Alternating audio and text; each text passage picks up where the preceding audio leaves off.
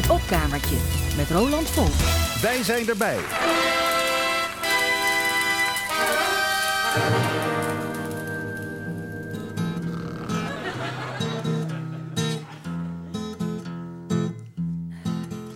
Er is oorlog in Sudan, waarom dat ben ik even kwijt. En Azerbeidzjan strijdt om iets in een al jarenlange strijd. De Turken vechten, dacht ik, onterecht in Koerdistan. En er is ook nog ergens oorlog om in het noorden van Iran. Ik snap er niks meer van wanneer ik naar die beelden kijk. Waarom doen we voortaan niet gewoon één oorlog tegelijk? Eén oorlog tegelijk, één oorlog tegelijk. Eén Giro, twee partijen en dan verder geen gezeik. Gewoon gezellig, leuk, weer net als vroeger met het Derde Rijk. Eén oorlog tegelijk. Ik raak de draad volledig kwijt als ik naar Harmessize kijk. Van wie is dat stadhuis in puin en waarvoor vocht dat lijk? Is die vrouw nou echt vermoord? Of stelt ze zich maar aan? Wie is fout en wie is goed? En wie heeft wat gedaan? Ik heb medelijden, plichtsbesef en oude kleren zat. Het is alleen dat ik zo graag wil weten waar en hoe en wat. Waarom doen we voortaan niet gewoon één oorlog tegelijk? Gewoon weer één partij de goeie en de ander door het slijk. Typisch weer zo'n frisse kijk van Jeroen van Merrewijk. Geen oorlog tegelijk. De Koerden mogen oorlog voeren tot aan 16 maart. Daarna veegt China tot aan juni Tibet van de kaart. In juni, juli en augustus zijn de Tamils aan de beurt. In september wordt Somalië door rassenhaat verscheurd. De hele herfst en winter is er oorlog in het gos. Met kerstmis winterpauze en dan barst de hel weer los. Tussen twee gevechten door een leuke spot voor dentalflos. Herhaling van de hoogtepunten s'avonds bij de nos. Eén oorlog tegelijk, één oorlog tegelijk. Waarom doen we voortaan niet gewoon één oorlog tegelijk?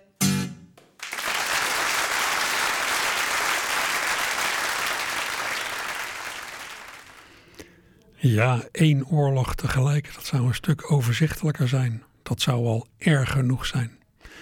Ik denk dat Jeroen van Merwijk, want die was het met wie ik het opkamertje vandaag ben begonnen, een gevoel vertolkte dat menigeen herkent. Overviel ons eerst die ja, idiote aanval van Rusland op Oekraïne. Toen kreeg je dat gebakkelei in Nagorno-Karabakh. En twee weken geleden ja, leidde die strijd tussen Hamas en Israël ineens in enorme hevigheid op. Dat nog even los van allerlei andere brandhaarden op de wereld. De ellende is bijna niet meer bij te houden. En wat waarheid is en wat propaganda is soms ook moeilijk uit elkaar te houden. Het was trouwens wel duidelijk dat dit lied van Jeroen van Merwijk al van lang geleden is. Want hij had het nog over nieuwslezer Harmen Sieze, die toch alweer een tijdje met pensioen is. De opname die, die u hoorde, die draaide ik van de cd Een Afro-lid is ook een mens uit 1994 van dus bijna 30 jaar geleden. Toen ook de term GOS geregeld werd gebezigd, het gemene best van onafhankelijke staten, een verband van voormalige Sovjet-staten. De oorlog in Sudan, die Jeroen noemde, en trouwens ook het gebakkelei in Azerbeidzjan. Ja, dat is weer heel actueel geworden, helaas. Zelf maakt hij dit uh, trouwens allemaal niet meer mee. Jeroen van Merwijk zelf overleed 2,5 jaar geleden. Ja, hoe om te gaan met die oorlogen die nu woeden. In Oekraïne ligt de zaak moreel vrij duidelijk, zou ik denken. Wie, ja, wie nu nog Poetin steunt, die staat straks aan de verkeerde kant van de geschiedenis. Maar hoe bepaal je je positie in de strijd tussen Israël en Hamas?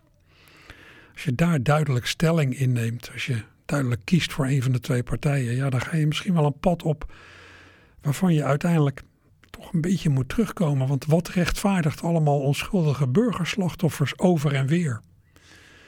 Het lijkt me handig om altijd na te blijven denken over uitspraken die je doet en, ook uit gebaren die je maakt. Probeer alles door te denken tot in de uiterste consequentie. Dat geldt ook voor zoiets schijnbaar eenvoudigs als een eerbetoon.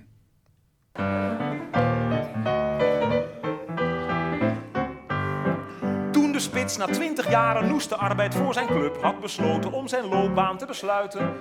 Keek hij terug op schalenbekers en ook één Europa Cup. Het bestuur zette dus flink de bloemen buiten. Want als dank voor al zijn diensten werd als teken van respect nummer 9 na die dag niet meer verstrekt.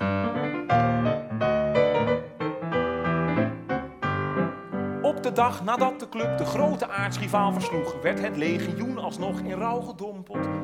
Want de laatste man die tevens ruggengraat was van de ploeg, werd in bed door een beroerte overrompeld. Bij de uitvaart zei de voorzitter met ernstig rouwbeklag: Nooit meer speelt hier nummer 4 na deze dag.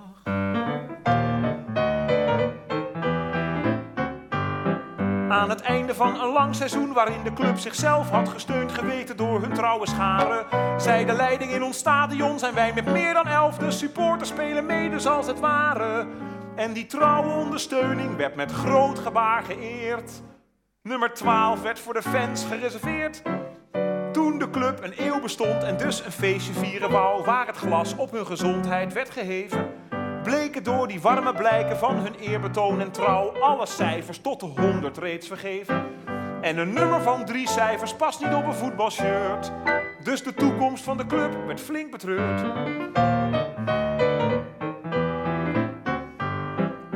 Echter, één exact geschoolde fan herpakte zich al vlug en hij zei: Ik ben misschien niet zo bestuurlijk. Maar er zijn geen regels voor het soort getallen op de rug. Dus je hoeft niet steeds te kiezen voor natuurlijk. Geef me even rekentijd voor elke speler, vind ik vast. Een getal dat goed bij zijn positie past.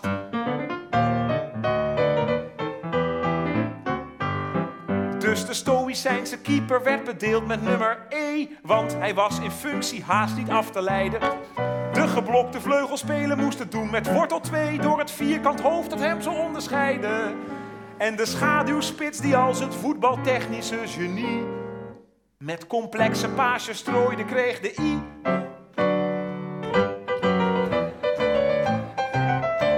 Voortaan klonk er in het stadion dus Delta X Olé, Forza Epsilon, Hub standaard deviatie. Slechts de arbitrage werd niet enthousiast van het idee, want die moest naar bijles toe voor de notatie. Maar niet één van de seizoenkaarthouders vond het te abstract. Niemand is nog voor zijn wiskunde gezakt.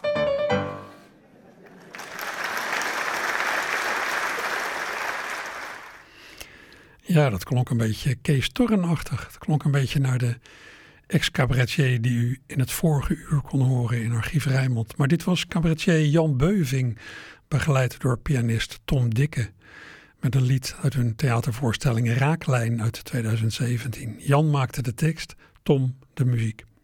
Ik had dit trouwens ook wel in Archief Rijnmond kunnen draaien. Want Jan Beuving groeide op in Numansdorp. En Tom Dikke komt uit Dordrecht. Maar Jan is al lang geleden vertrokken naar Utrecht om daar wiskunde en wetenschapsgeschiedenis te studeren, waarna hij aan de Koningstheateracademie in Den Bosch een opleiding tot tekstschrijven deed. Die wiskundige achtergrond was een rode draad in dat eh, programma Raaklijn, waaruit dit liedje dus kwam. In een ander liedje in die voorstelling, ook weer een knap ingewikkeld liedje, draait het, of draait het zelfs helemaal om een wiskundestelling. De stelling van Fermat, of Fermat, zoals sommige mensen zeggen. Een stelling die ingewijden heel lang heeft bezig gehouden. En in zekere zin nog. Ja, wie nooit heeft opgelet bij wiskunde zal het allemaal een beetje boven de pet gaan. Ik ga dat lied zo meteen draaien. Maar ja, ook dan is het lied van Jan Beuving erover, denk ik, de moeite waard om te horen. Het is ook, het is ook een spel met taal, spitsvondig taalspel. En dat in de beste traditie van mensen als ja, Kees Torren en Dr. Anders P. In de muziek van het lied van Jan over de stelling van Fermat zit ook een duidelijke verwijzing naar het Trojka-lied van Dr. Anders P. Trojka hier, Trojka daar. Ja, je ziet zoveel dit jaar. Let maar op zo meteen. Jan begint aan zijn verhandeling na een stukje dat ja, minder van wiskunde doordrenkt was. Wat aanleiding is voor, nou ja, ik zou zeggen, een ironische sneer. Ik hoop dat alle uh, lagen opgeleid, ik bedoel alfa's nu tevreden zijn. Kunnen wij de resterende uh, heel veel leuke mensen vanavond horen al. Heel, kunnen zes, 86 minuten kunnen we het nu lekker over echte dingen gaan hebben. Veel plezier.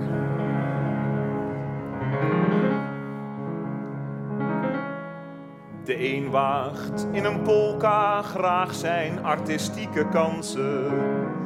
Een ander wiegt zijn heupen op een vals of tja-tja-tja. Maar is uw lijf zoals het mijne niet geschikt voor dansen? Probeer dan eens een keer de laatste stelling van Fermat. Het is een soort Pythagoras voor hoger opgeleiden. Toch is het niet bevredigend voor een ménage à trois. Want anders dan die drie vermaledijde driehoekzijde is er geen uitkomst bij de laatste stelling van Fermat. Als m ten minste 3 is, dat is groter dus dan 2, dan zijn er geen natuurlijke getallen a, b, c. Zodanig dat de n-de-macht van a plus die van b gelijk is aan de n-de-macht van c. Nou, een mooi idee. Fermat had dit vermoeden in de 17e ja, ik zie toch een paar mensen glazig kijken in publiek. Misschien is het goed als ik heel even een klein beetje uitleg geef bij de laatstelling van Fermat. Die is genoemd naar Jean-Pierre de Fermat, Franse wiskundige uit de 17e eeuw. Dat klinkt logisch om een stelling te vernoemen naar degene die hem bedacht heeft. Maar dat is lang niet altijd zo in de wetenschapsgeschiedenis. De stelling van Pythagoras bijvoorbeeld, die is genoemd naar Pythagoras. Maar die was al lang en breed bekend voordat Pythagoras geboren werd. En de reeks van Fibonacci, die wij natuurlijk allemaal kennen als 1, 1, 2, 3, 5, 8, 13, 21, etc. Waar elk getal telkens de som is van de twee voorgaande. Die is genoemd naar Fibonacci, dat was een rekenmeester uit de middeleeuwen. Maar die reeks die was 200 voor Christus in India al bekend. Dus een wetenschappelijke ontdekking wordt eigenlijk nooit genoemd naar de daadwerkelijke ontdekker van die wetmatigheid. Dat is ook een wet, dat is de wet van Stiegler, opgesteld door Steven Stiegler, Amerikaans statisticus in 1980. En Stiegler was natuurlijk de eerste om toe te geven dat hij dat niet zelf bedacht had. Want anders had de wet van Stiegler niet voldaan aan de wet van Stiegler. Maar de laatstelling van Fermat is wel degelijk gemunt door Jean-Pierre de Fermat zelf, voor zover wij weten. En dat is dus een uitzondering op de wet van Stiegler. Die daarmee dan weer geen echte wet is natuurlijk, maar dit geheel terzijde. Nou, wat zijn nu Jean-Pierre de Fermat? Um, jullie kennen allemaal Pythagoras, neem ik aan, hè? Uh, ja, in mijn vorige programma zat een lied over Pythagoras. Ik ga er de rest van de avond uh, gemakshalve even van uit dat ik alle kennis uit mijn eerste programma als bekend kan veronderstellen. Anders moet ik elke keer aan het begin van het eerste programma beginnen. Ja, dan is je vierde programma automatisch echt avondvullend. Nou, Pythagoras die zei a kwadraat plus b kwadraat is c kwadraat. En het mooie is, voor die vergelijking zijn oneindig veel oplossingen in de natuurlijke getallen. En wat zijn nu natuurlijke getallen? Dat zijn 1, 2, 3, 4, 5, etc. Alle gehele getallen die strikt groter zijn dan 0. Dus oneindig veel oplossingen voor a kwadraat plus b kwadraat is c kwadraat. Wat zei nu Jean-Pierre de Fermat? Fermat zei, als je van die drie kwadraatjes van Pythagoras nou drie derde machten maakt, of drie vierde machten, of drie vijfde machten, of het maakt niet uit. Als er maar drie gelijke gehele machten groter of gelijk aan drie zijn, dan zijn er voor de vergelijking a tot de macht n plus b tot de macht n is c tot de macht n exact nul oplossingen in de natuurlijke getallen. Dus eigenlijk precies wat ik net in het refrein al zong. Maar goed, dan zijn jullie nu helemaal op de hoogte. Fermat had dit vermoeden in de 17e eeuw al. Hij las de Arithmetica, geen boek voor. Ja, de Arithmetica, dat is een uh, boek van Diophantus. Diophantus, dat was een uh, oude Griek. Niet zomaar een oude Griek, want hij kwam namelijk uit de 4e eeuw na Christus. Dus het is een uh, jonge oude Griek, deze Diophantus die om het verwarrend te maken wel 84 jaar oud geworden is. Dus het is een oud geworden, jonge, oude Griek, deze Diophantus. En die hield zich in de vierde eeuw na Christus bezig met vergelijkingen die alleen maar oplossingen hadden in de natuurlijke getallen. Niet zo heel gek dus dat Jean-Pierre de Fermat 1250 jaar later een exemplaar van die arithmetica in zijn boekenkast had staan. Hoe weten wij dat? We hebben dat exemplaar aangetroffen in de nalatenschap van Jean-Pierre de Fermat. En op een van de pagina's van Fermat's exemplaar van de arithmetica van Diophantus stond in de kantlijn geschreven a tot de macht n plus b tot de macht n is nooit gelijk aan c tot de macht n voor a, b, c en n in de natuurlijke getallen en n groter of gelijk aan 3. En, had Fermat daaronder gekrabbeld, ik heb voor deze stelling een waarlijk spectaculair bewijs. Helaas is de kantlijn van dit boek te klein om het te bevatten. Ja, zo kunnen we natuurlijk allemaal wel een eh, mysterie de wereld in helpen. Maar goed, dan zijn jullie nu weer helemaal op de hoogte. Fermat had dit vermoeden in de 17e eeuw al. Hij las de arithmetica, geen boek voor de bourgeois.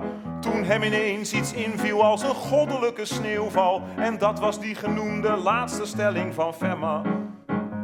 Hij had ook een bewijs, zei hij, maar dat is fantasie, want hierna wachtte men lang op het verlossende voilà. De volgende 360 jaar lukte het niemand bewijs te vinden voor de laatste stelling van Fermat. Maar toen kwam Andrew Wiles, een Engelsman, die liet verluiden dat hij de zaak had opgelost en niet kom si kom sa. De kantlijn van dit lied is net te klein om u te duiden hoe hij dat flikte met die laatste stelling van Fermat. Maar neemt u van mij aan, het was een kunststuk om te smullen. Zo waar als ik ooit puisten had en Perzië een sja. Want uit het feit dat het bewijs twee boekwerken deed vullen, blijkt ons de zwaarte van de laatste stelling van Fermat. Als n tenminste 3 is, dat is groter dus dan 2, dan zijn er geen natuurlijke getallen a, b, c. Zodanig dat de n de macht van a plus die van b gelijk is aan de n de macht van c. Een mooi idee. Nu is er uit Fermat zijn jeugd een leuke anekdote. Zijn moeder maakte opvoedkundig menige faux pas. Zij smeerde hem nooit in als hij zijn bovenlijf ontblootte. Dan zorgde dus de zon voor de vervelling van Fermat. De plaatselijke alimentation bood hem een bijbaan. Daar vulde hij de schappen met frambozen bavarois. En na het werken ging hij in de speeltuin van de glijbaan. Een ding dat nu bekend staat als de helling van Fermat. Dit lied krijgt wel van Lieverlee met een probleem te maken. Dat is de nogal Frans geïnspireerde rijmklank A. De opties voor de tweede zin beginnen op te raken. Voor dichters is dat dus de laatste kwelling van Fermat. Maar anders dan Fermat is er een oplossing voorhanden. Iets waar ik geen 360 jaar voor nodig had. Wees slim met stomme T's, dan kan het rijmen niet verzanden. Zo kunnen wij weer voort dankzij de spelling van Fermat. Als n tenminste 3 is, dat is groter dus dan 2, dan zijn er geen natuurlijke getallen a, b, c. Zodanig dat de n de macht van a plus die van b gelijk is aan de n de macht van c. Een mooi idee. Ooit dacht een Angolees wiskundige, vrek, er mist wat. Zijn arm was bij het werken afgevallen, quel Het tragische geval was dat hij zich iets wat vergist had. Wat hij deed, dat was de meelaatste stelling van Fermat. Nu denkt u in de zaal wellicht, dit lied heeft meer coupletten dan dat er punten staan op schilderijen van Seurat. Dus laat ons nu de metronoom eens eventjes verzetten. Het is de hoogste tijd voor de versnelling van Fermat. Ook Sil de strandjutter was dol op deze ongelijkheid. Hij schreef hem steeds met wrakhout in het droge vallen wat. Hij kon na elke vloed dus mathematisch weer zijn ei kwijt. Zo leerden ook de mensen op ter schelling van Fermat. Fermat kwam om het leven door een zware pestinfectie. Daar lag hij op zijn sterfbed en hij zei geen boe of ba. Wel kreeg hij op de middag voor hij heen ging een erectie. U raadt het al, dat was de laatste zwelling van Fermat. Als n tenminste 3 is, dat is groter dus dan 2, dan zijn er geen natuurlijke getallen a, b, c. Zodanig dat de n de macht van a plus die van b gelijk is aan de n de macht van c. Een mooi idee. Er komt een einde nu aan onderhavige vertelling. U heeft de helft van het verhaal nog niet gehoord, maar soit. Als u maar goed onthoudt dat deze schrandere voorspelling de boeken inging als de laatste stelling van Fermat.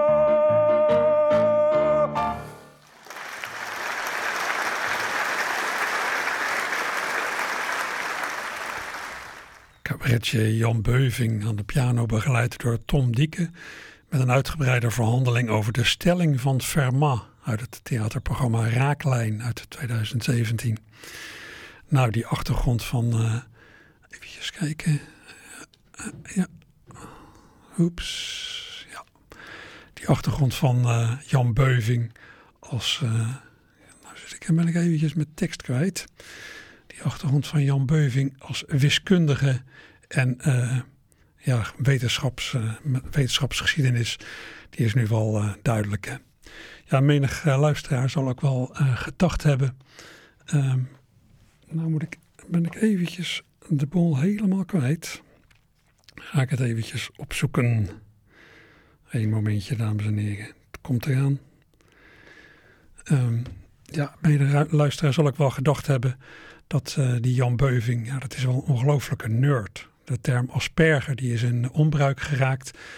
Maar ja, als je dit zo hoort, dat, uh, dat lijkt er toch wel heel erg op dat, dat hij zich ergens in het autistische spectrum bevindt. Het autistische spectrum waar je ook light first dichters aantreft. intelligente jongens die graag spelen met taal en ja, daar heel diep in op kunnen gaan. Dat kan een hoop leuks opleveren. Zeker als je ja, een plek vindt in de wereld om ja, daarmee om te gaan. Bijvoorbeeld ja, als tekstschrijver. Maar ja, op jongere leeftijd loop je als asperger of als iemand in het autistische spectrum een vrij grote kans om als raar te worden gezien en te worden buitengesloten. Nerds zijn in het algemeen niet zo populair op de basisschool en op de middelbare school. Oeps. Ik zit een beetje te hannissen. Ja.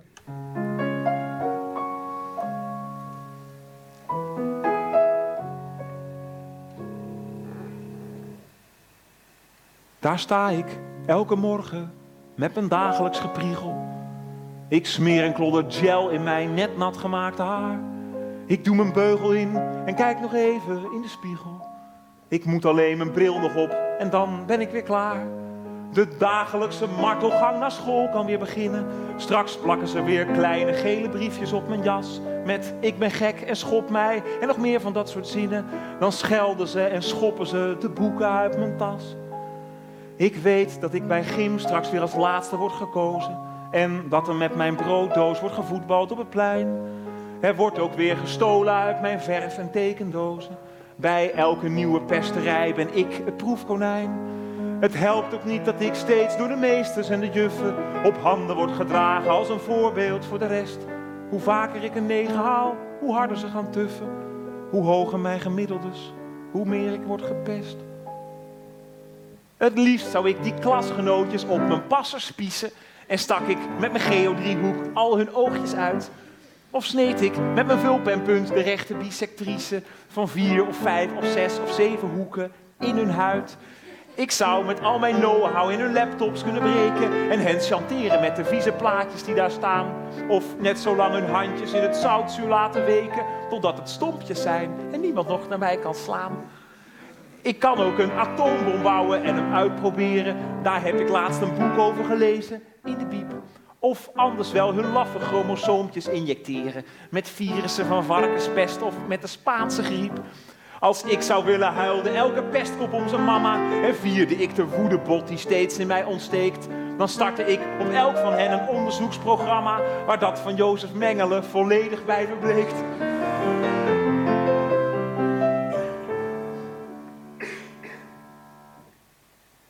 Toch laat ik ze maar gaan, want het is zonde van mijn brieën. Straks ga ik de geschiedenis nog in als stapelgek. Maar ik wil juist belanden in dat rijtje met genieën. En tot het zover is, lach ik om elke blauwe plek.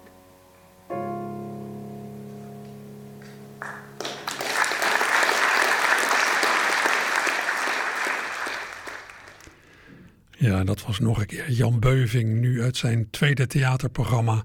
En reken maar nergens op dat hij in 2014 en 2015 speelde met aan de piano Daan van Eyck, die hiervoor ook de muziek maakte. Nerd heet dit nummer. Het is te vinden op YouTube. Ja, Jan Beuving lijkt zijn plek te hebben gevonden als bijzonder taalvaardige nerd. Want dat is de kunst, hè, om je leven zo in te richten dat die typische eigenschappen die je hebt voor je werken in plaats van tegen je. De neiging om te spelen met taal, om je helemaal ergens op te storten, om de dingen door te denken. Maar wat voor de meeste mensen in het autistische spectrum lastig blijft, sociale relaties en helemaal een liefdesrelatie.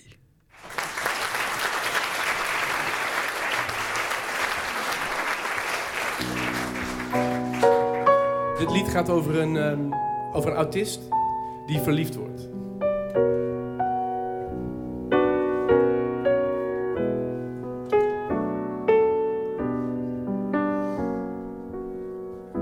Als Bart om zes uur naast zijn bed staat en opnieuw de lakens schikt, weet hij ineens weer wat hij droomde, over wie vooral het schikt. Als Bart die morgen in de keuken, om kwart voor acht precies, de melk in het verkeerde glas schiet, scheldt hij tegen het servies. Bart vervloekt de dag van gisteren. Een probleem erbij is zij, een raadsel met twee onbekenden. Zij is X en hij is Y.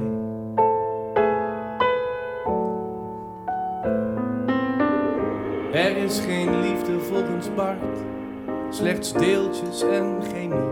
Gevoel verandert en verward, dat is zijn theorie.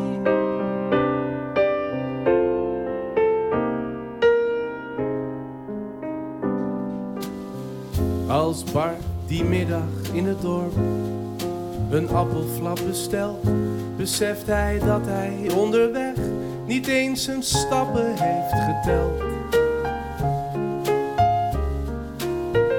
Hij draait onrustig in zijn stoel, zijn vaste plekje bij het raam. Hij aait de kat van het café en noemt hem bij haar naam.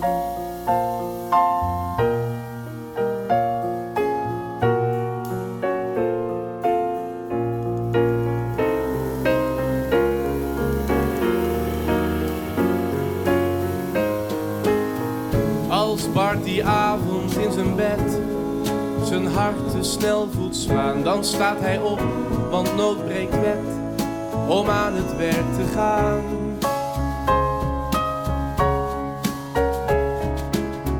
Iets met behoud van energie, dat wordt het kloppend hart van Bart zijn nieuwe theorie. De liefde volgens Bart. Hij loopt nog vast met het bewijs, maar zij loopt met hem mee. Hij telt nog steeds zijn stappen, maar Bart telt nu voor twee.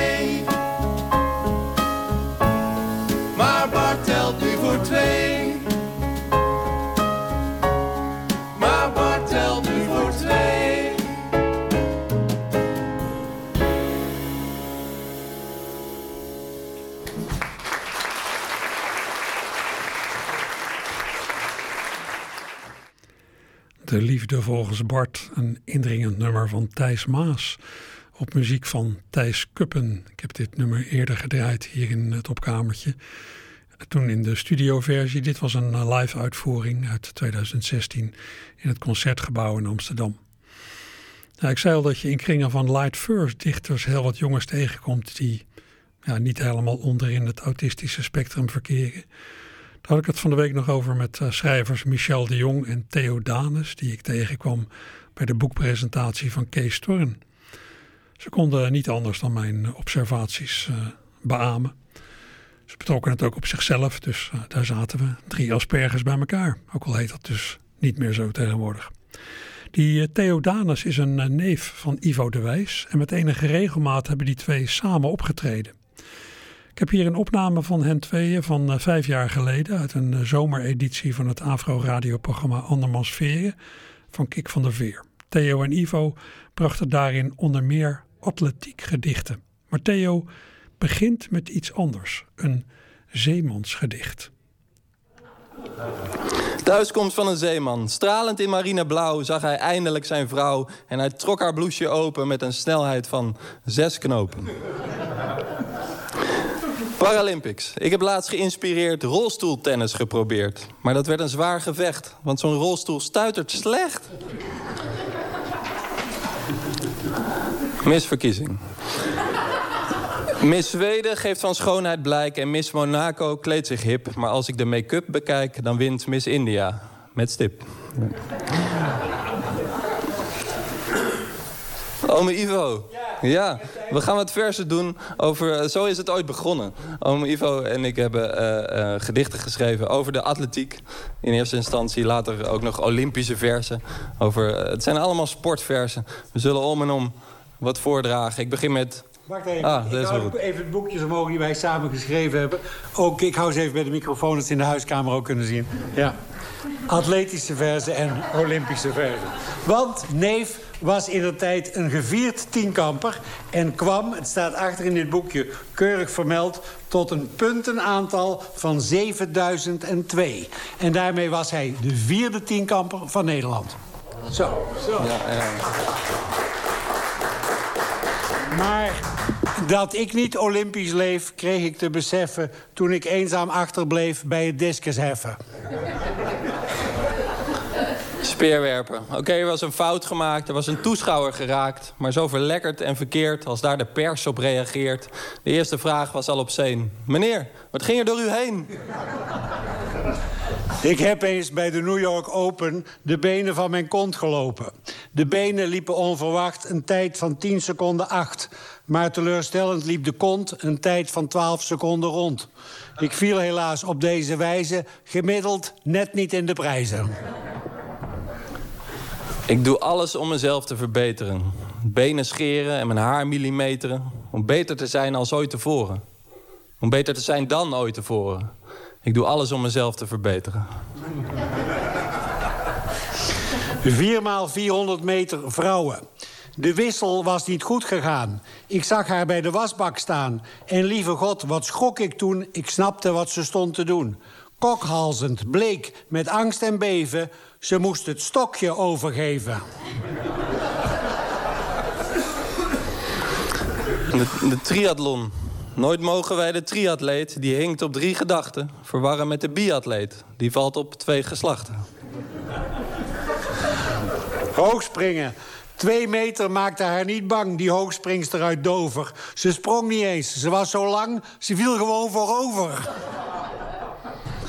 En tot slot voor mij eh, aftrainen ook heel belangrijk. Geen atletiekvers trouwens. Omdat mijn oma dikker was geworden na het turnen... bewaren we nu thuis haar as in 22 urnen. En de laatste van mij heet Kogelstoten Vrouwen. Er was een kogelstoteres. Haar naam, ik meen Tamara Pres. Die vrouw was 80 titels rijk, maar bleek een man toen. Ja, hé, hey, kijk, zo gaat de dameskogelstoten natuurlijk lelijk naar de kloten.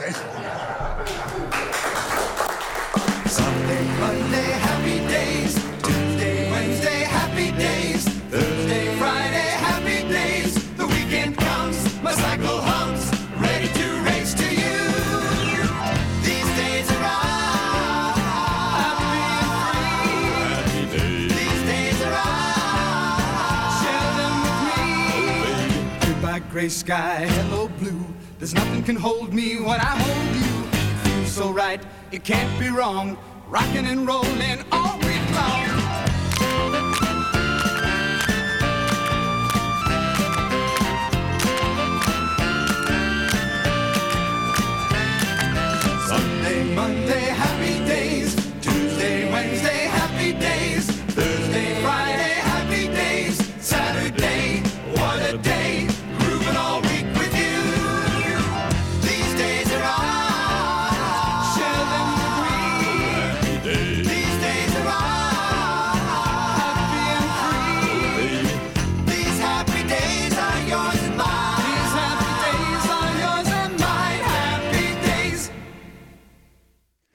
Ja, heel wat luisteraars zullen deze muziek hebben herkend. De herkenningsmuziek van de tv-serie Happy Days, die tussen 1974 en 1984 werd gemaakt, maar die feitelijk speelde in de jaren 50. Met Henry Winkler als de coole Fonzie en Ron Howard als de brave Richie Cunningham. Die Ron Howard heeft trouwens later furoren gemaakt als regisseur en producent. De volgende Amerikaanse serie, waar ik iets van eh, laat horen, ehm, ja, die eh, zullen denk ik ook heel wat mensen herkennen. En wie de serie nooit heeft gezien, ja, die raadt ook zo de titel. Want die wordt in het openingslied meermaals genoemd. She was working in a bridal shop in Flushing, Queens, till her boyfriend kicked her out in one of those crushing scenes. What was she to do? Where was she to go? She was out on her fanny. church from Flushing to the Sheffield's door. She was there to sell makeup, but the father saw more. She had style, she had flair, she was there. That's how she became the nanny. Who would have guessed that the girl we described was just exactly what the doctor prescribed? Now the father finds her beguiling. Watch out, CC. And the kids are actually smiling. Such one.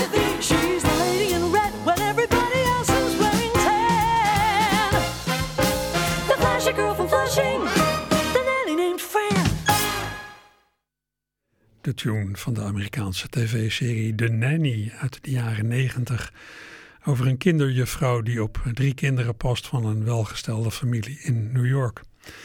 Zelf kan ik me niks van die hele serie herinneren. En als ik er op YouTube stukjes van bekijk, bespeur ik ook niks van herkenning. Maar die tune kwam me wel enigszins bekend voor toen ik die eh, laatst eh, opdook.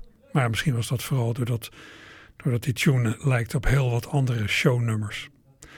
De volgende, ook een Amerikaanse, lijkt me een heel lastige. Ik geloof ook niet dat de sitcom waar deze muziek bij hoort ooit in Nederland is uitgezonden. Maar als u het wel weet, en zelfs weet wie het openingslied nou, zingt, petje af.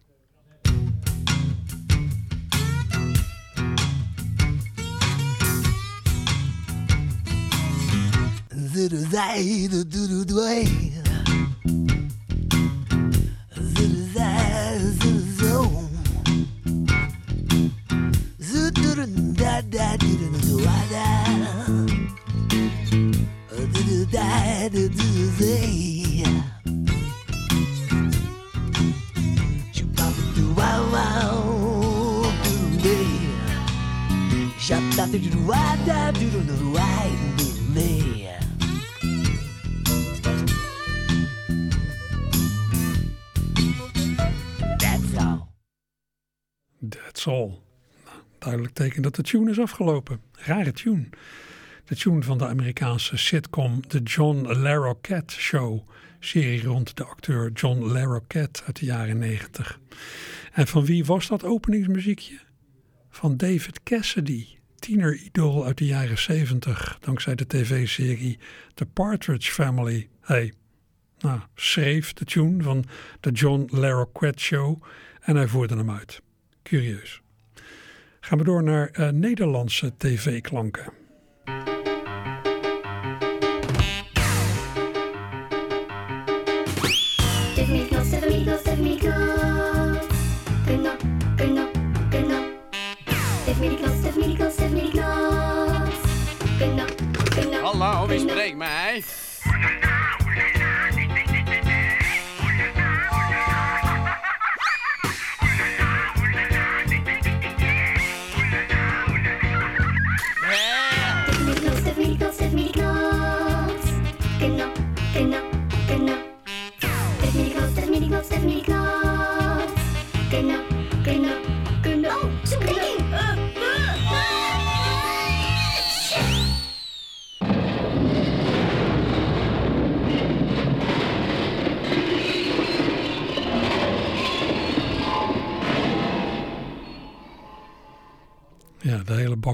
Bak met geluidseffecten was opengetrokken. Je hoorde het wonderlijke herkenningslied van de tv-serie De Familie Knots. Serie uit de jaren 80 met Marnix Kappers, Jan-Simon Minkema en Hetty Heiting.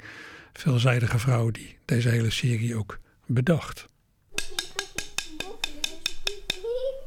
Luister even wat ik vraag. Luister wat ik vraag vandaag. Zeg maar ja of zeg maar nee. Doe maar mee. Zeg eens even allemaal. Zijn er hier ook meisjes in de zaal? Ah, Ach, dat doet mij veel plezier. Zijn er ook wel jongens hier? Ah, Wat ik ook nog vragen wil, is er hier een krokodil? Ik wou dat ik een ijsje had. Ijs met slagroom, lusten jullie dat? Ik snap het al, daar smul je van. Lus je ook wel dan? Met een papje, met een papje, Met een papje, met een papje. Ja, luister even wat ik roep. Lus je ook een broodje poep? Is, is, is, is, is, is, is dat vies? Poep. Oh, oh, foei Willem.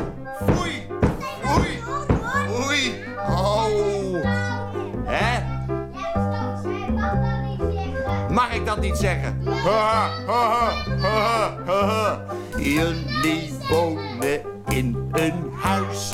Heb je ook een tafel thuis? Staat er op die tafel dan een plaatje dat ook draaien eh, kan? Oh Willem, dat bestaat niet. Een plaatje kan niet draaien op...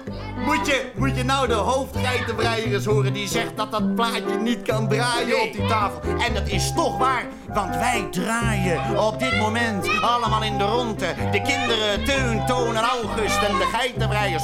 Eigenlijk is de hoofdgeitenbreier gek. Maar de hoofdgeitenbreier is gek. Ja, ik vind het mooi. Geloof dat ik maar niks meer vraag. Het is wel weer genoeg vandaag.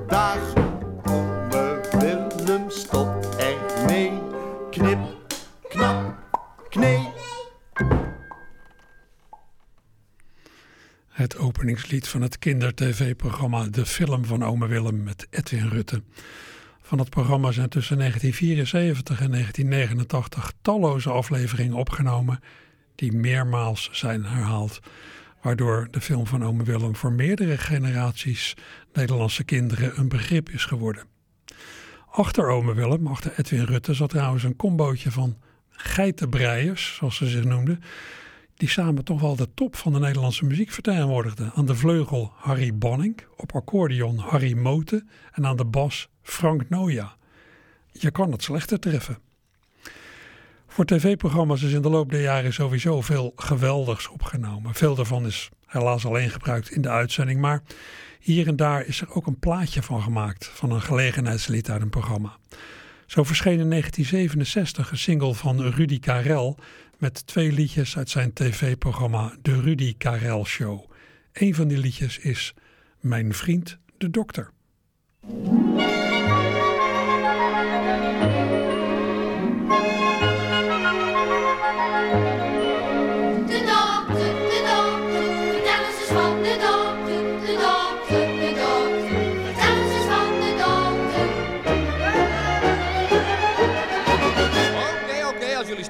Over de dokter. Mijn dokter kreeg dat zeker de Nobelprijs. Voor vrede, sterrenkunde en voor gein. Want hij geneest wat je ook hebt. Voor alles heeft hij een recept. Zelfs medicijnen tegen zacherijn. Mijn vriend de dokter zit te turen door zijn telescoop. Daardoor ziet hij een hele hoop heelal. Maar hij ziet alle zeven dwaas. De zon is een Nedammer kaas, de maan is speculaas, Venus een bitterbal. Ben je wel? Mijn vriend de dokter zegt de sterren zijn van chocola, de melkweg van vanillevla en ijs. Kometen zijn een rolletje drop, de grote beer is Haagse hop, Mars een weespermop met een amandelspijs. Laat hem heerlijk fantaseren, het leven is een brouwerij. Waarom het tegendeel beweren? Ik vind er prachtverhaaltjes bij. En jij, mijn vriend de dokter, leert je alle dingen breed te zien. En wie zal dat nou beter zien dan hij? De wereld is een sprookjesboek, het leven is gesneden koek voor mijn vriend de dokter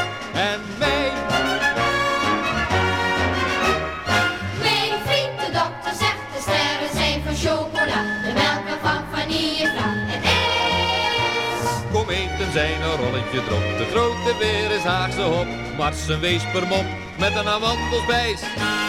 Mijn vriend de dokter zegt de wolken zijn vol suikerspin en regen daar zit champagne in, dat is fijn.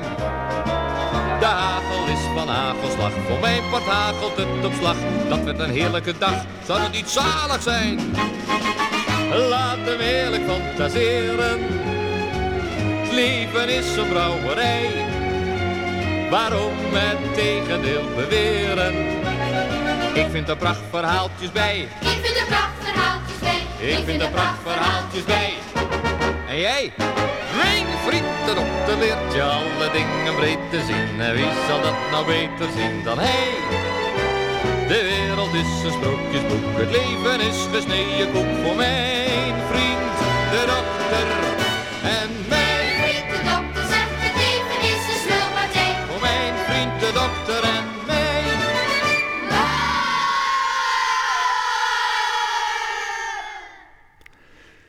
Was Rudy Karel met een nummer uit zijn Rudy Karel Show van tv. Ik draaide dit van een singeltje uit 1967. We hoorden een door Harry Gelen gemaakte vertaling van het Amerikaanse My Friend the Doctor uit de film Dr. Dolittle, gecomponeerd door Leslie Bricuse. Uh, we hebben nog tijd voor één heel kort liedje, maar wel een mooi romantisch liedje over de zondag, Domingo.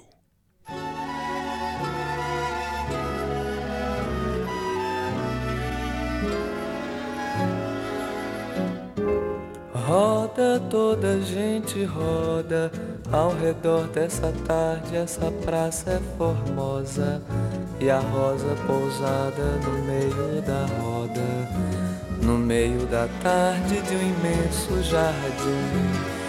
Rosa não espera por mim.